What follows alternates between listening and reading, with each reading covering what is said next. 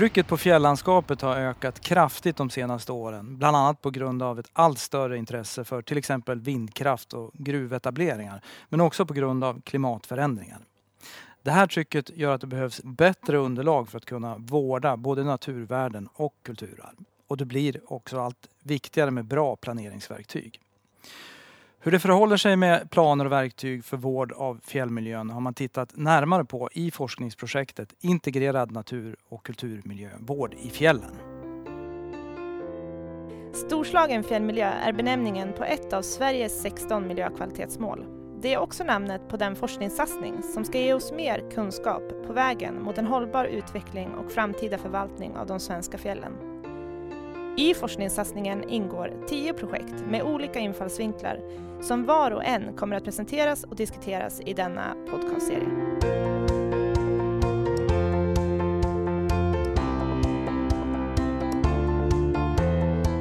Ja, kopplingen mellan natur och kulturmiljövård i fjällen, det är det vi ska prata om idag. Eh, så jag säger välkommen till Kalle Österlin, en av forskarna i projektet. Doktorand också. Vilket är ditt ämne? Det, mitt ämne är naturgeografi med inriktning systemanalys. Hur går studierna? Eh, det går strålande, tror jag. ja, just det. Ja. Var är du någonstans i doktorerande? Eh, nu är jag ungefär halvvägs och det har jag varit i ett år ungefär. Tack. Jag säger också välkommen till eh, Fabian Mebus, Mebus eh, från Riksantikvarieämbetet. Eh, vad har du för roll där? Jag jobbar med landskapsvårdsfrågor. Och det kan röra sig allt från stadslandskap till agrar, agrara landskap och fjälllandskap. Eh, och jag arbetar särskilt med eh, det som vi kallar för biologisk kulturarv, alltså kopplingen mellan natur och kultur. Mm. Det är mitt ämne. Tack. Välkommen också Kjell-Åke Aronsson. Eh, museichef på AITE, Svenskt fjäll och samemuseum. Men innan det så vet jag att eh, du har gjort en massa annat också. Ja, jag har bland annat varit länsantikvarie i Jämtlands län. Och före det har jag jobbat med Riksantikvarieämbetets fornminnesinventeringar. Så jag vågar väl nästan påstå att jag har en ganska god inblick i kulturmiljövården. Det låter så. Eh, och jag heter Thomas Hagström.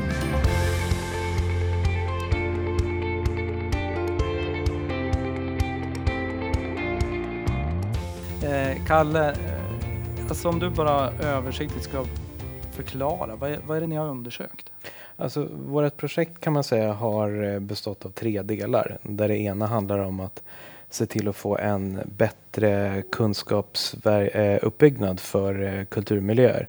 Och både samiska kulturmiljöer men fäbodbruk och fjälljordbruk. Och hur man kan arbeta med medborgarforskning eller citizen science för att bygga upp det här på ett snabbt och effektivt sätt och vilka möjligheter man har att göra det.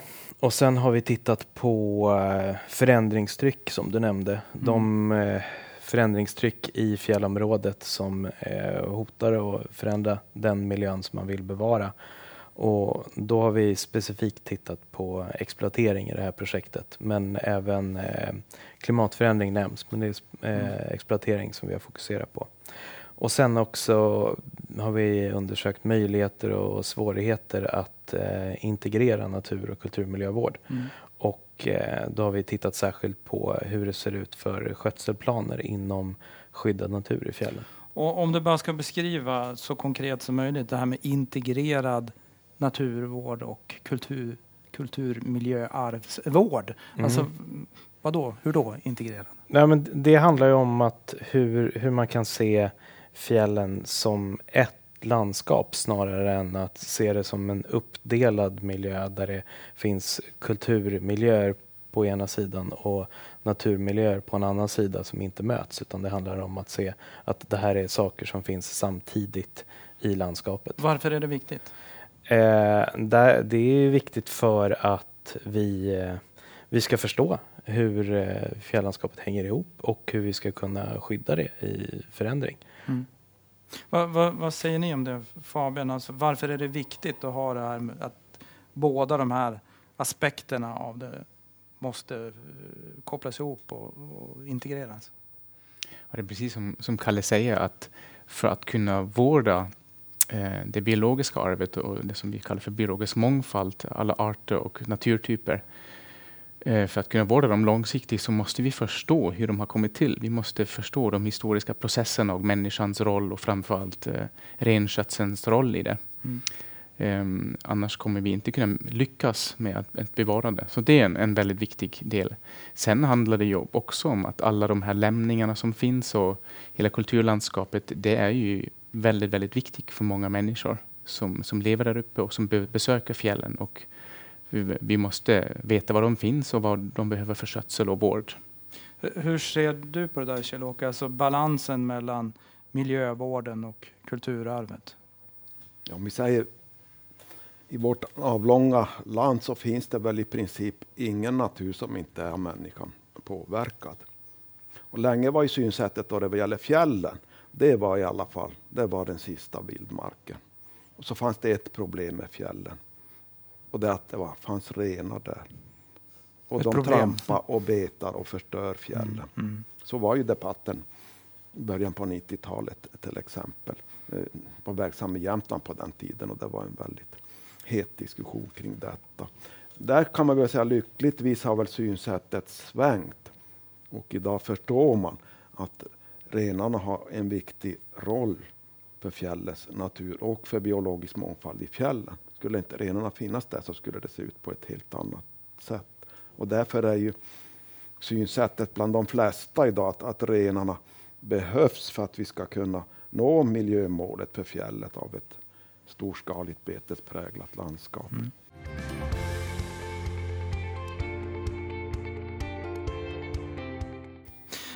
Som jag sa på annonseringen där, så alltså att, att det finns strategier och planer och verktyg för att vårda den här fjällmiljön. Det låter ju som självklarheter. Hur är det med det? De här planerna och verktygen? Ja, alltså, eh, de här planerna vi pratar om nu, då handlar det ju om eh, skyddad natur och, och skötselplaner.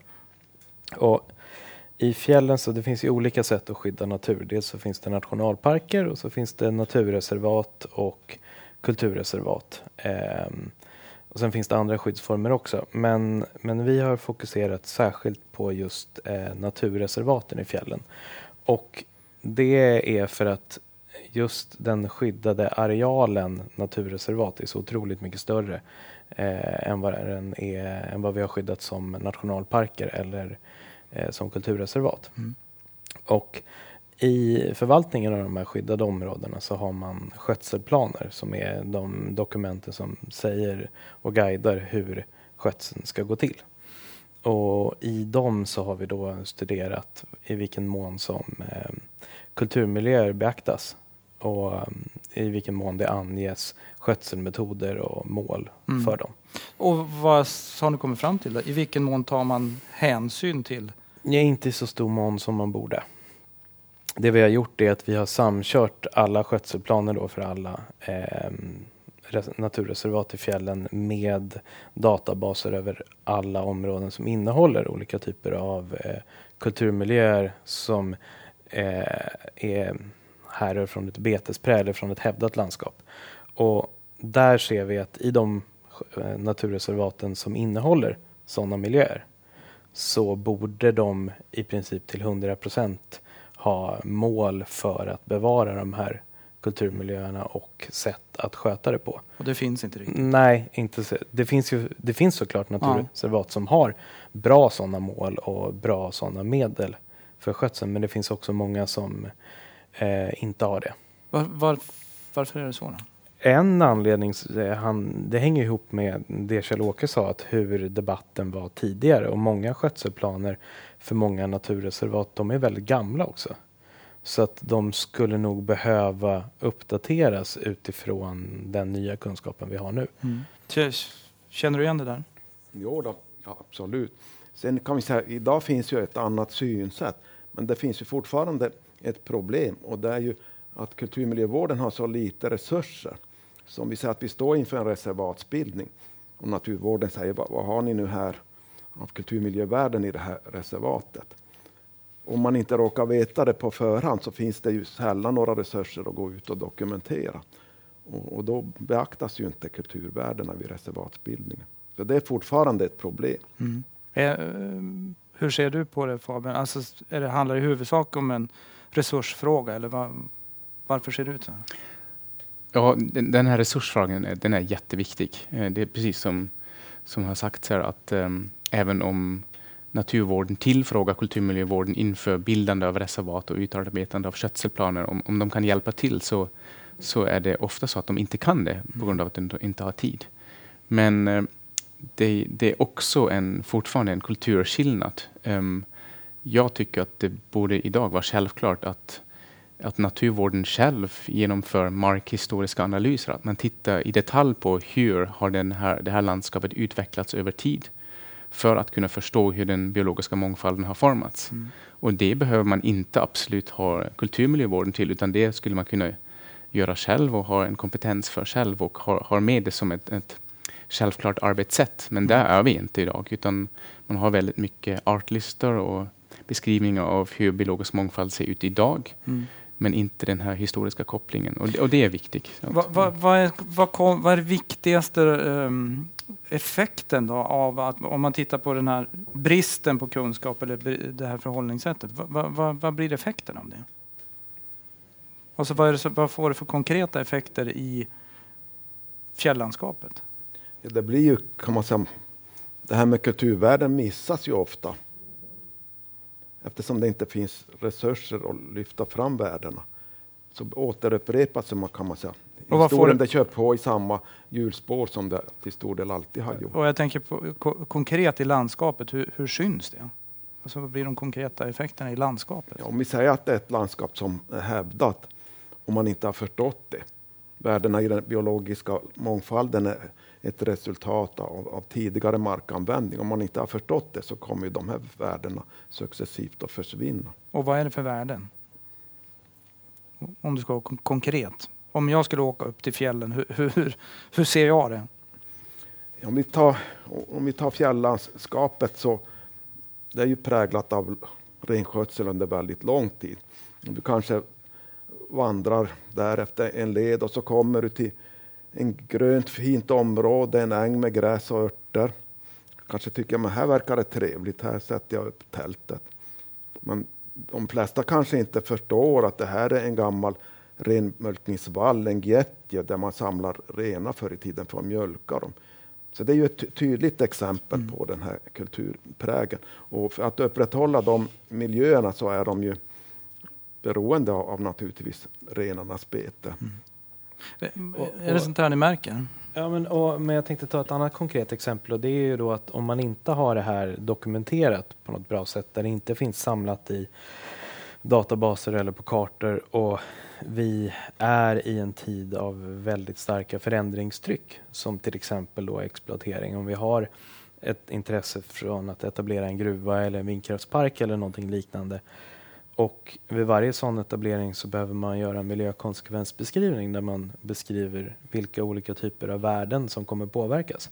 Och om det här inte finns tillgängliggjort i databaser eller kartor eller liknande så de eh, som ska göra miljökonsekvensbeskrivningen har ju inte nödvändigtvis den här informationen till hands då för att kunna, för att kunna veta det. Så vi står ju i en situation där vi om vi inte har kunskap och inventerat olika kulturmiljöer så riskerar vi att förlora saker mm. i ökad exploatering och vi riskerar också till och med att kanske förlora saker som vi inte visste att vi hade. Just um, så vad skulle du säga då? Vad är det viktigaste så här långt som ni har kommit fram till? Skulle du säga? Går det att beskriva? Ja, alltså de viktigaste resultaten skulle jag säga att dels så har vi tittat på den här förändringstakten eh, förändringsprocesser och då eh, framförallt exploatering. Och där ser vi att exploateringen i fjällområdet har faktiskt varit ganska så stor och ganska mycket större än vad vi kände till sedan tidigare. Och dels så handlar det om eh, gruvetableringar eh, och det handlar framförallt om vindkraftsetableringar. Och med eh, vindkraftsetableringar så kommer det kring verksamheter som kraftledningar och eh, liknande. Och dessutom så ser vi ett ökat tryck från mer och mer mineralprospektering i fjällområden. Det innebär inte alls på något sätt att det blir en gruva men man ser ett ökat intresse.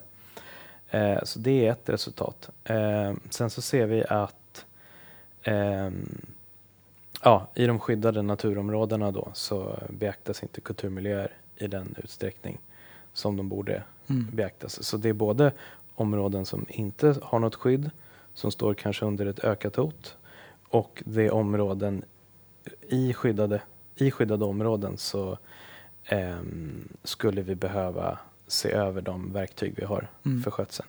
Och sen ser vi också då att för att bygga upp kunskap på ett snabbt och effektivt sätt så kan medborgarforskning, citizen science, som vi har tittat mer på, vara ett alternativ för att effektivisera den Ja, kunskapsuppbyggnaden. Bra. Vi ska återkomma till det, Mm. just citizen science. Men jag tänkte fråga er också, Fabian och Sven-Åke. När ni har följt det här projektet eller gråtat ner er i det, vad, vad, vad, är, det vad är det viktigaste ur ditt perspektiv Fabian, för, från Riksantikvarieämbetet? Eh, Vi har ju haft en, en känsla och också kunskap om att, att det förhåller sig så som, som Kalle och hans kollega har kommit fram till. Att eh, det finns en, en eh, snedfördelning och att man inte i tillräckligt hög grad beaktar kulturmiljövärden. Eh, men det är alltid bra att få det på papper och att någon har undersökt det och, och tittat på detaljer så att vi vet bättre vad, vad, kan, vad kan vi göra åt den saken och var brister det. Eh, så det är väldigt värdefullt. Och sen eh, det som vi som vi kommer att prata om lite senare, den här medborgarinitiativet och med, medverkan av medborgare, det är väldigt intressant för oss. eh, Att, att engagera samhället i större utsträckning i kulturmiljövård och naturvård. Vad, vad, eh, vad har ni själva för, för ansvar där? Kan, man, kan, man kan du svara på den frågan? Går det att liksom konkretisera det? Hur, hur ni själv skulle kunna bidra till ett bättre läge? Alltså, Riksantikvarieämbetet är en nationell myndighet för kulturmiljöfrågor. Och vi har ju det övergripande ansvaret för, för kulturmiljö, kulturmiljöer i Sverige. Um, sen är det så att uh, alla andra aktörer som finns har ju också ett ansvar. Uh, och uh, när det gäller fjällmiljö så har man ju lagt ett väldigt, väldigt stort ansvar på naturvården. Det är där alla instrument finns. Man riktar resurser dit för skydd och skötsel. Så det, det gäller ju att vi samarbetar väldigt bra med Naturvårdsverket för att, ehm, eh, för att kunna utnyttja de här resurserna som, som staten avsätter för skydd och skötsel. Mm. Så vår, vår största uppgift är ju att, ehm, att sam, samverka med de aktörer som har verktyg och att uppmärksamma frågor. Mm. Eh, och samverka förstås också med allmänheten och med museer och, och så vidare, forskare. Ja. Ditt, vad, är det viktigaste ur ditt perspektiv, Kjell-Åke? Ska vi säga, den här snedfördelningen eller obalansen mellan natur och kulturmiljövård, den blev ju väldigt uppenbar då världsarvet Laponia bildades. Laponia består ju av ett antal nationalparker och naturreservat. Som då de bildas som, så beskrevs de som en vildmark som skulle lämnas till fri utveckling. Och så säger världsarvsförklaringen någonting annat. Att det här också det är både natur och kulturvärden i landskapet men också den levande samiska kulturen. Och det här blev ju väldigt kan man säga, problematiskt att hantera i, i vårt system här i, i landet. Och det, I tio år stod ju hela arbetet med en förvaltningsplan stilla. Men, men sen lyckas man ju ändå lösa upp de här knutarna och har skapat en ny typ av förvaltning som överbryggar kan vi säga det gamla problemet. Det är liksom inte, om man får uttrycka det så, det är inte naturvården som ensidigt förvaltar och bestämmer vad som är, utan man skapar en ny förvaltningsorganisation, Laponia Chochodos, där både natur och kultur är integrerad. Mm. Sen, vad ska man säga, jag har ju varit med så länge så man kan ju titta lite i backspegeln och göra reflektioner. Jag tror ju personligen att det var ett misstag att man inte förde in kulturminneslagen i miljöbalken. Mhm. För då hade kulturminnes och kulturmiljöfrågorna automatiskt kommit med i diskussioner kring hur man skyddar miljön. Mm. Kan, det vi ser nu, kan det vara en, hade det sett annorlunda ut om, om, om det hade varit det, det läge du beskriver? Jag tror att det hade varit annorlunda, för då hade man varit tvungen att jobba närmare ihop. Mm. Och vi kan ju jämföra med vårt grannland i Norge. Alltså där ligger ju kulturmiljöfrågorna under miljödepartementet. Mm. Medan hos oss är det ju kulturdepartementet och där ska kulturmiljö Det blir konkurrera med musik Mm. och teater och, och film och allt möjligt om resurserna. Och, och där är ju en del av den här orsaken Just till det. obalansen ligger i det att det blir som stuprör i Sverige. det. Natur är under miljö och kulturmiljö är under kulturdepartementet. Jag förstår. Det, För, att- för att Mm. överbrygga det så behöver man nog jobba ganska, ganska brett med, med just synen på natur och, Mm. och vad natur är för någonting. Och, för när man, om man hamnar i en situation där att se fjällområdet som bara varande en vildmark, då hamnar man i en situation där det eh, inte riktigt finns någon arena för lokalbefolkningen att vara delaktiga heller. Att om, om naturen är någonting som bäst sköts genom att man lämnar den i fred till Mm. fri utveckling, då är möjligheterna att få, med, få lokal delaktighet eh, väldigt liten eftersom din egen roll inte kan vara något annat än att du ska hålla dig undan.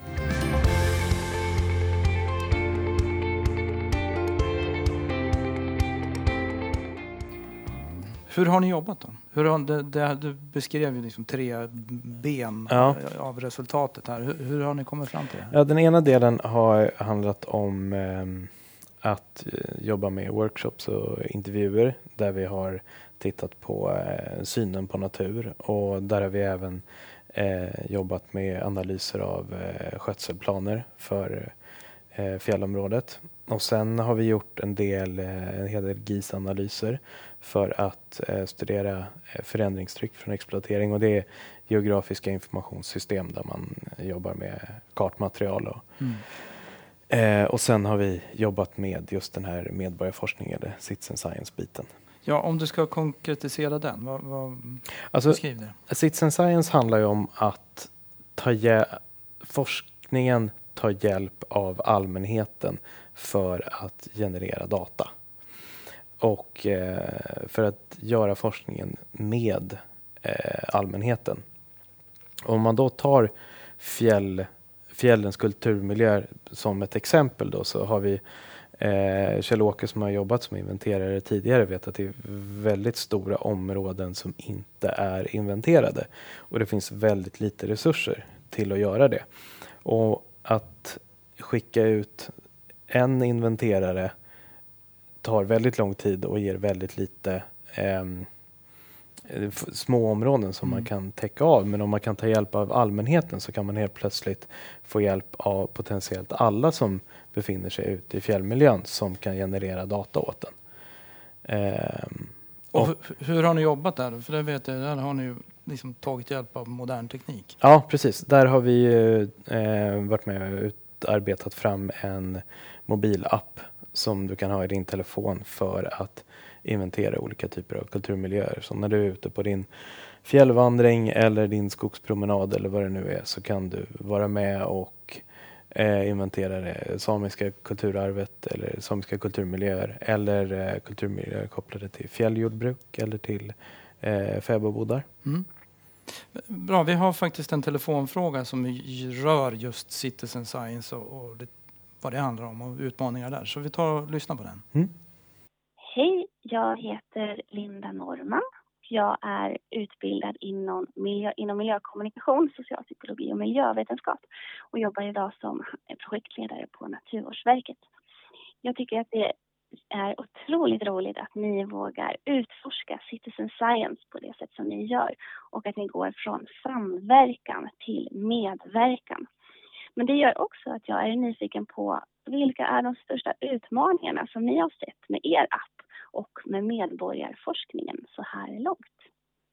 Ja, utmaningar med citizen science och kanske vi börjar med appen. Utmaningar där. Mm, alltså den allra största utmaningen tror jag skulle säga är att nå ut och få med deltagare. Och eh, det, alltså det, där vi har sett störst intresse och sett att folk är mest intresserade av att vara med och bidra, det är där det finns ett eh, vad man ska säga, påtagligt liksom, eh, hot om förändring. Och i det här fallet så var det då vid en eh, potentiell eh, gruvetablering vid eh, Rönnbäck utanför, eh, utanför Hemavan och Tärnabyfjällen. Där det är, finns en vilja att anlägga ett dagbrott och där har det gjorts miljökonsekvensbeskrivningar och där finns, fanns det en miljöorganisation som var väldigt intresserade av att använda det här för att testa möjligheterna och eh, inventera. Mm. För eh, om man jämför med andra typer av citizen science inventeringar så ehm, finns, det finns väldigt många olika typer av appar för att inventera allt från mangos på Hawaii till, till eh, flyg, eller vad säger, till fåglar och liknande. Men i vissa, i vissa sådana här så är steget väldigt lågt. Det är ganska låga trösklar för att kunna vara med. Här är möjligheten att delta så kräver en ganska mycket förkunskap eller en väldigt stark liksom, motivationsgrad. Du behöver någon form av kort crash course kanske i eh, samiska kulturmiljöer eller eh, andra typer av kulturmiljöer. Och du måste klä på dig en ryggsäck och du måste ut eh, med en regnjacka i fjällområdet eller vad det nu är. Eh, de här trösklarna då som du pratar om, hur, hur har det påverkat resultatet i forskningen? Alltså det påverkar ju i den månen att om man ska göra det här i mer storskaligt och kunna eh, få snabb och effektiv kunskapsuppbyggnad av eh, hela fjällområdet så, så är det lite svårare att få med stora grupper. Och då blir det jätteviktigt att hitta olika typer av kanaler där man kan nå ut till folk. Men, men i, i ditt resultat i, i just det här projektet så har det inte påverkat negativt? Nej, nej det, det, det påverkar ju inte på något sätt. Det, det, det det kan göra är ju att det påverkar antalet observationer Mm. och antalet observationer eller förväntad inrapporterad datamängd. Det påverkar sen vilken val av kvalitetskontroll man har. Alltså hur ska man försäkra sig om att det som de här medborgarforskarna har rapporterat in, att det är riktiga Mm, just det. Kjell-Åke, du har väl konkret varit inblandad i just det med appanvändandet? Jo, pre precis. Som jag ser det är väl kan man säga utmaningen sedan är mottagningsapparaten. Att ta hand om de här data. För det är både en kvalitetskontroll och sen måste de ska vi säga, föras in i systemen. Så att, låt oss säga att vi står inför ett stort exploateringsprojekt så man kan fånga upp de här data. Och, och där ligger väl utmaningen, för den här mottagningsapparaten finns inte riktigt Mm. idag. Eh, För ett antal år sedan så genomfördes det här så kallade skog och historia-projektet.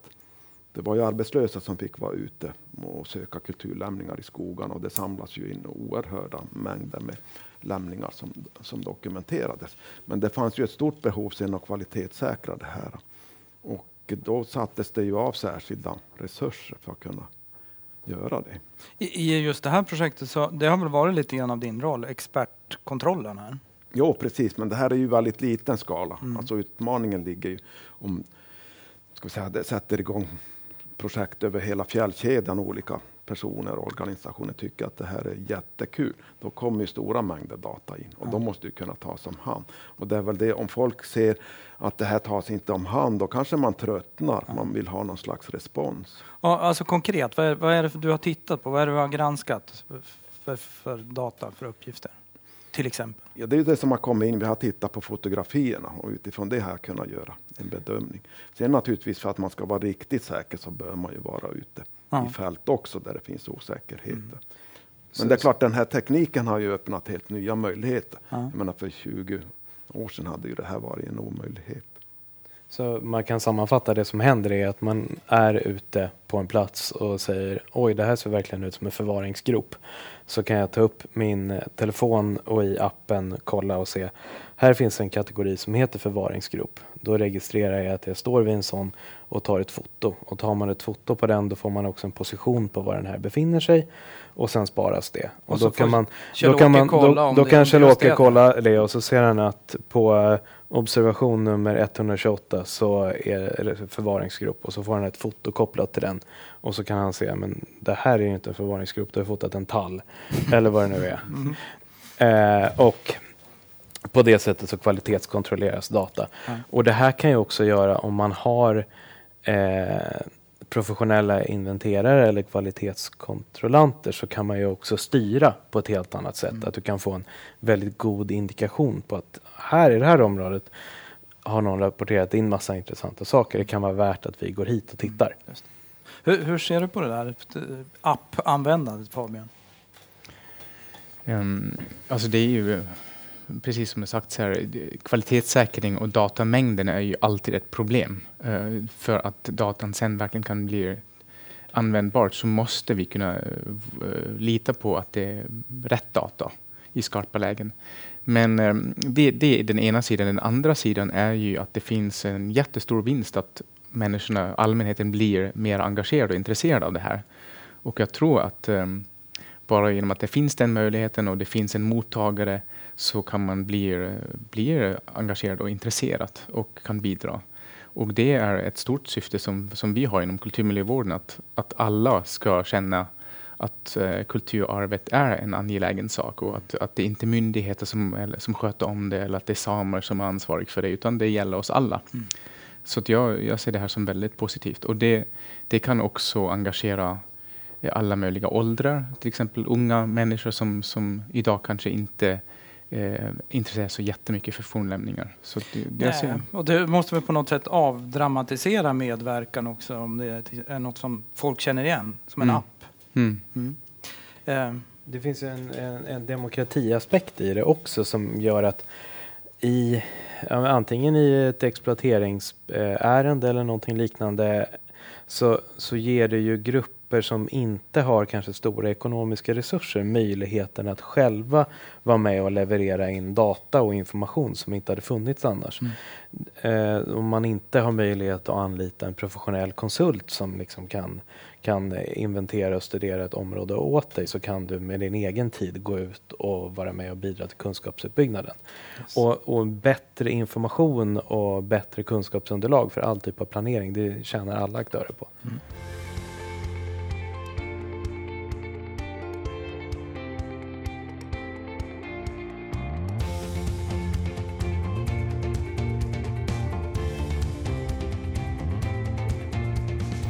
Nu har vi pratat här oavbrutet om eh, er professionella relation till fjällvärlden.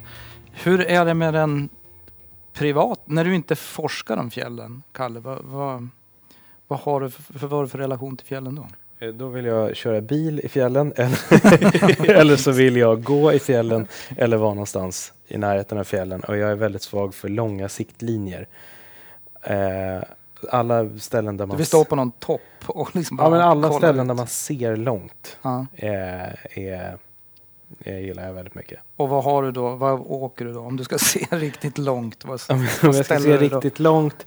Ja, men, eh, mitt, mitt favoritställe tror jag är, det är ett ställe som Kjell-Åke faktiskt har visat mig som är, eh, heter Bielite som ligger i eh, Västerbottensfjällen. Ja. Eh, där kommer man precis upp vid trädgränsen och ser väldigt långt.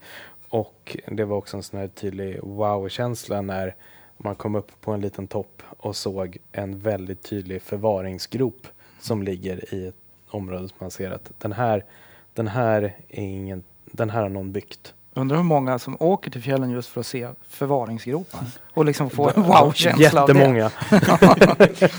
ja, det var, ja, men intressant. Va- Varför visar du just det stället, Kjell-Åke? Eller varför hamnar ni precis där? Jag har varit inblandad och jobbat med det där tidigare och då kan jag berätta ganska intressant faktiskt. Om vi går 30 år tillbaka i tiden så var ju praxis det att samiska kulturminnen inte ansågs vara värda att skydda enligt lag.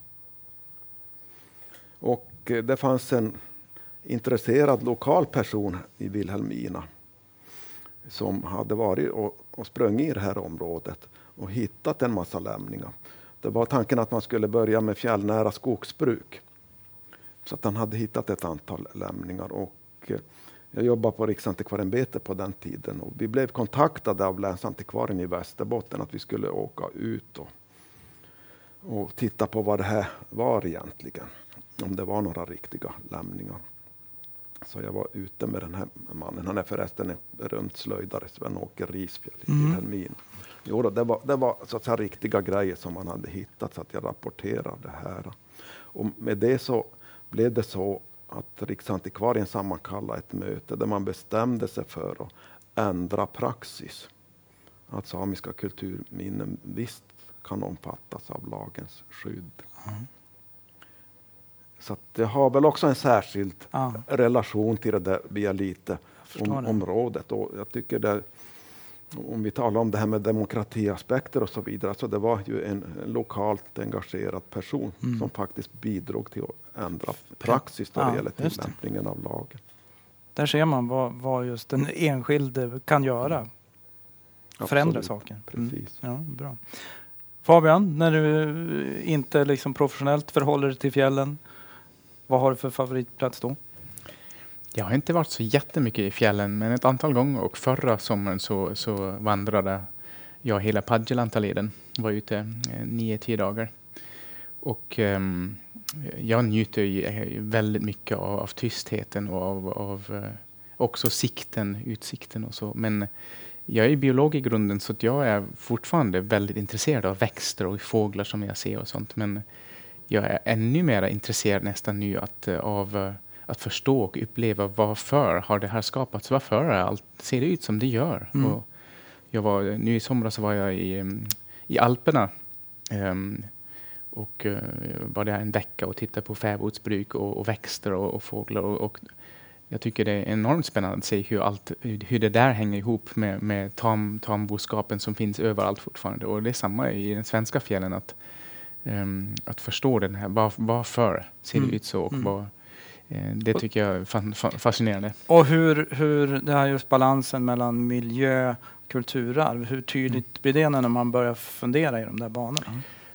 Det blir ganska tydligt faktiskt. Ehm, jag gick ju med en vän och han, ehm, han njöt också lika mycket som jag, men jag tror att han, han, han hade nog inte samma glasögon, så jag gick ju där och såg faktiskt att trots att det går ren rena här så håller det på att växa igen. Det är ganska mycket buskar och det börjar bli fler träd och sånt. Så att jag såg ju en förändring.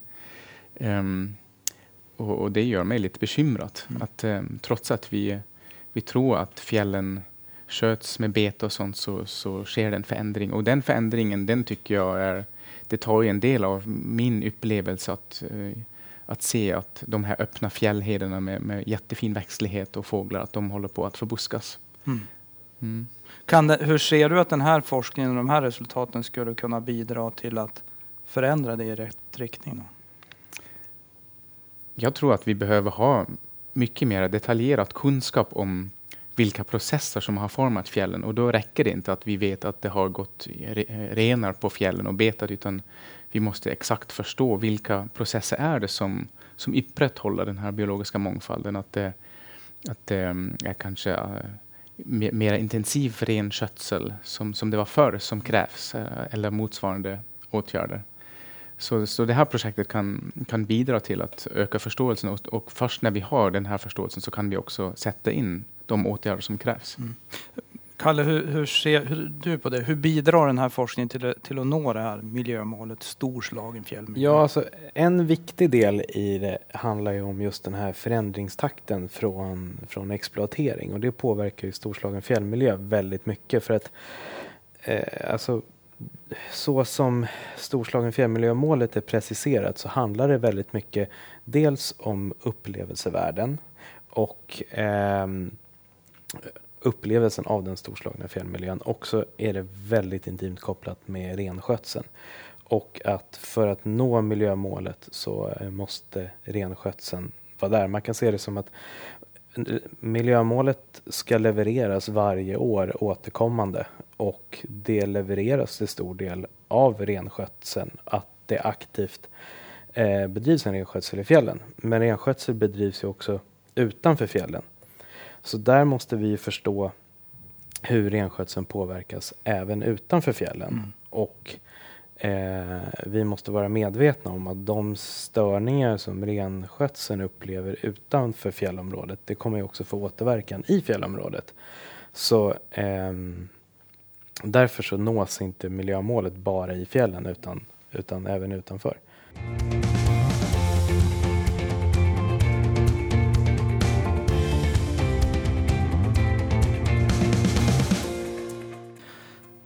Storslagen fjällmiljö, alltså om man inte tänker på den officiella eh, förklaringen av, det begreppet. Vad, är storslagen fjällmiljö för dig, Kjell-Åke?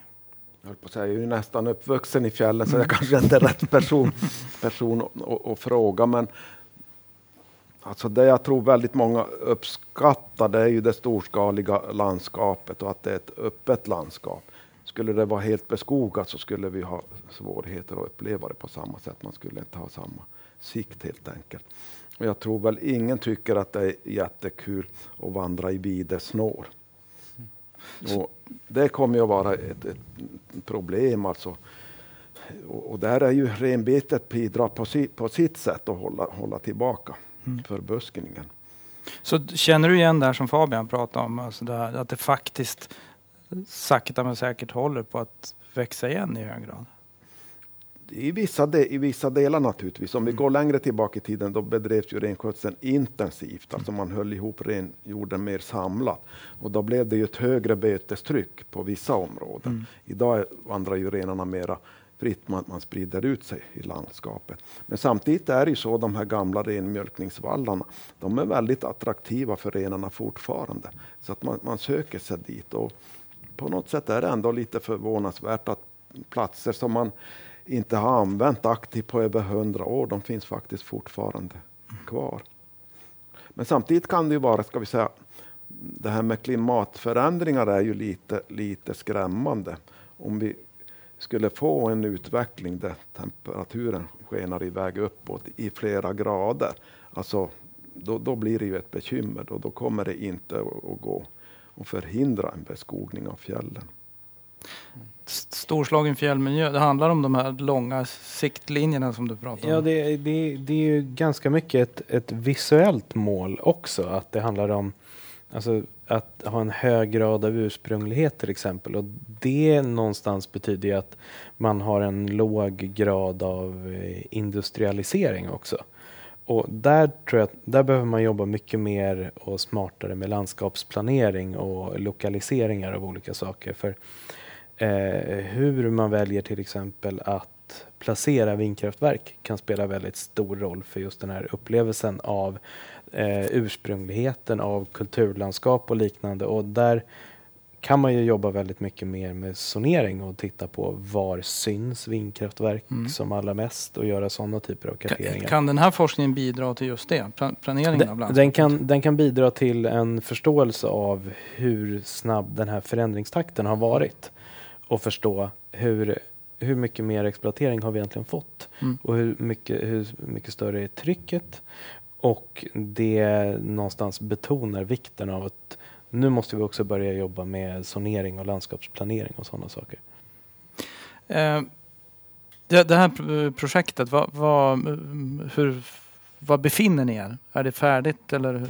Eh, ja och nej. Eh, ja, det är färdigt i den mån att eh, den här första delen den är rapporterad och avslutad. Men det är också grunden för, för mitt avhandlingsarbete. Så, så jag fortsätter i, egentligen och, och fördjupar allt det vi har gjort och gör förlängningar på det. Går det här att tillämpa i, i, i andra miljöer? Hur ser du på det? Ja, absolut. Dels flera, flera delar av det. Dels så handlar det om att man skulle kunna ta och titta på hur det ser ut med kulturmiljöer i skötselplaner för naturreservat och andra skyddade miljöer i resten av Sverige i allra högsta grad. Eh, fjällen har egentligen varit en, en, en fallstudie för det här. Mm. Och Sen skulle man ju kunna titta på möjligheter att använda medborgarforskning för inventering av eh, kulturmiljö eh, på andra områden i Sverige. Så absolut. Mm. Vad, vad, vad sa du, ett och ett halvt år? Ja. Sen, sen är du färdig. Vad, vad, vad händer sen? Ser du någon förlängning? Eller om, om du ser en förlängning av den här forskningen, vad skulle det kunna vara?